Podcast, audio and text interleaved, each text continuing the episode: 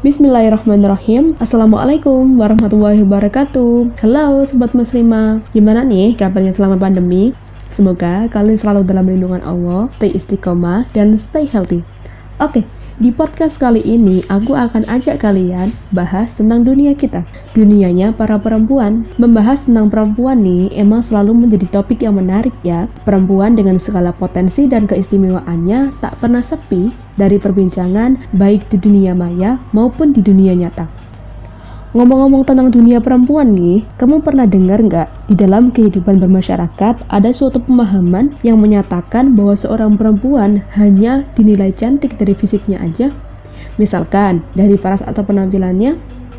Bahkan di sisi lain, masing-masing orang memiliki standar tersendiri untuk menyatakan kecantikan seorang perempuan. Dalam survei kecantikan ZEP Beauty Index 2020 menyatakan bahwa dari 6.460 responden, sebanyak 46,7 persennya mendefinisikan cantik adalah memperindah penampilan secara keseluruhan. Dan sebanyak 82,5 persennya menyatakan bahwa cantik adalah perempuan yang memiliki kulit yang cerah dan glowing.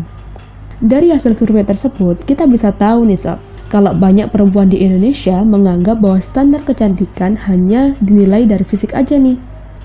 Akibat dari pemahaman seperti itu, gak heran sekarang banyak perempuan berlomba-lomba mempercantik fisik mereka di halayak umum dengan membeli make up lah, perawatan ini itulah, dan lain sebagainya.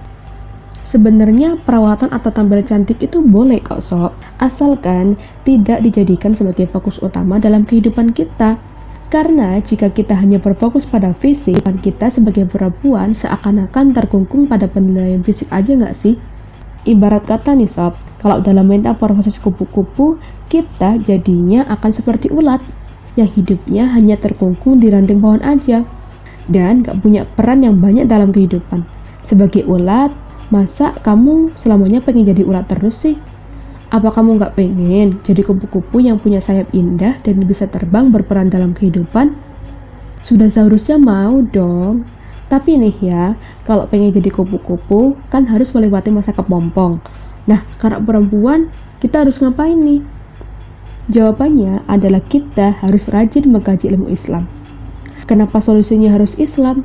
Karena Islam adalah satu-satunya agama yang punya paket lengkap buat ngatur kehidupan kita, sob. Tak terkecuali masalah kecantikan perempuan. Gak percaya? Coba deh kita lihat lagi dalam Al-Quran. Kitab yang diturunkan Allah untuk menjadi petunjuk bagi kita semua. Di sana ada seperangkat aturan yang diberikan Allah buat melindungi perempuan. Apa aja tuh? Ada larangan berhias di depan laki-laki bukan mahram pada surat Al-Ahzab ayat 33, ada perintah memakai gamis pada surat Al-Ahzab ayat 58, dan lain sebagainya. Hal ini semata-mata ada karena Allah pengen melindungi kehormatan kita sebagai hambanya. Selain itu, di dalam hadis Rasulullah Wasallam menyatakan bahwa sesungguhnya Allah tidak melihat kepada bentuk rupa dan harta kalian, tapi Ia melihat hati dan amal kalian. Nah, dari hadis ini kita bisa tahu nih sob, kalau Allah nggak memandang kita sebagai hambanya pada fisik semata, jadi sudah seharusnya kehidupan kita gak hanya terkukung pada penampilan fisik aja nih. Lebih dari itu, di dalam Islam, selain kita dilindungi dengan beberapa aturan, perempuan juga dimuliakan dengan peran penting di dalam kehidupan. Apaan tuh perannya? Yap, bener banget. Kita adalah ibu generasi. Bahasa kerennya tuh Ummu Ajial. Nah, sebagai ibu generasi, kita seharusnya punya usaha nih buat bisa mewujudkan peran kita Nah, usahanya kita kayak gimana nih?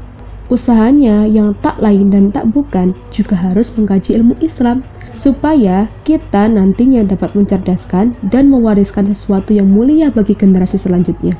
Hal ini seperti yang sudah dilaksanakan para sahabat zaman dahulu, seperti contohnya istri Rasulullah Wasallam yaitu Aisyah radhiyallahu anha.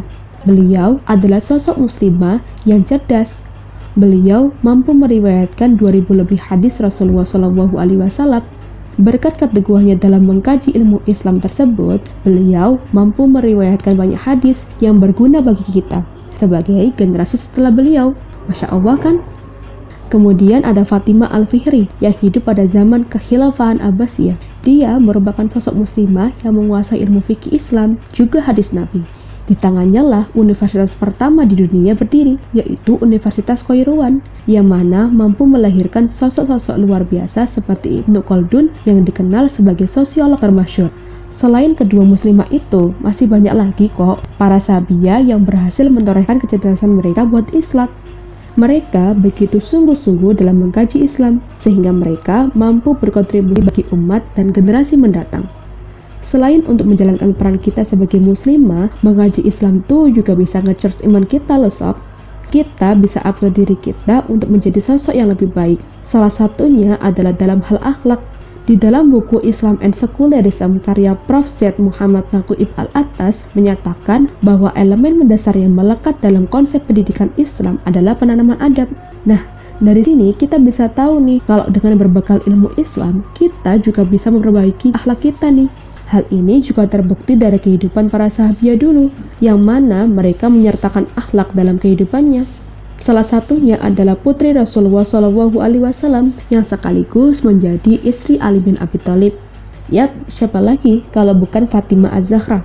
Beliau merupakan sosok muslimah cerdas karena dapat meriwayatkan 18 hadis dari Rasulullah Wasallam dan dia merupakan sosok muslimah yang berakhlak mulia. Salah satu akhlak mulia seorang Fatimah Az-Zahra adalah saat dulu beliau sedang kesusahan, tetapi beliau rela memberikan harta bendanya kepada seorang kakek yang sedang kesusahan. Masya Allah bukan? Di tengah keadaan yang sulit saja, Fatimah tak ragu-ragu untuk menolong sesama, sekalipun pada orang yang tidak ia kenal.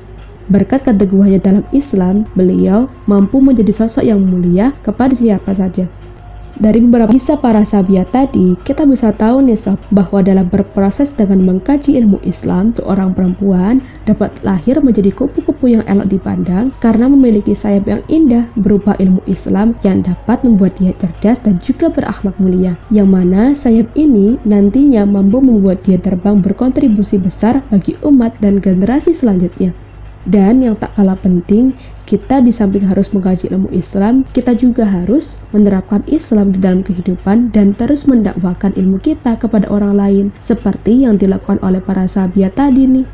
Oleh karena itu, yuk semangat buat mengkaji ilmu Islam supaya kita mampu menjalankan peran kita sebagai perempuan dan yang paling penting, kita mampu berkontribusi besar bagi umat dan Islam.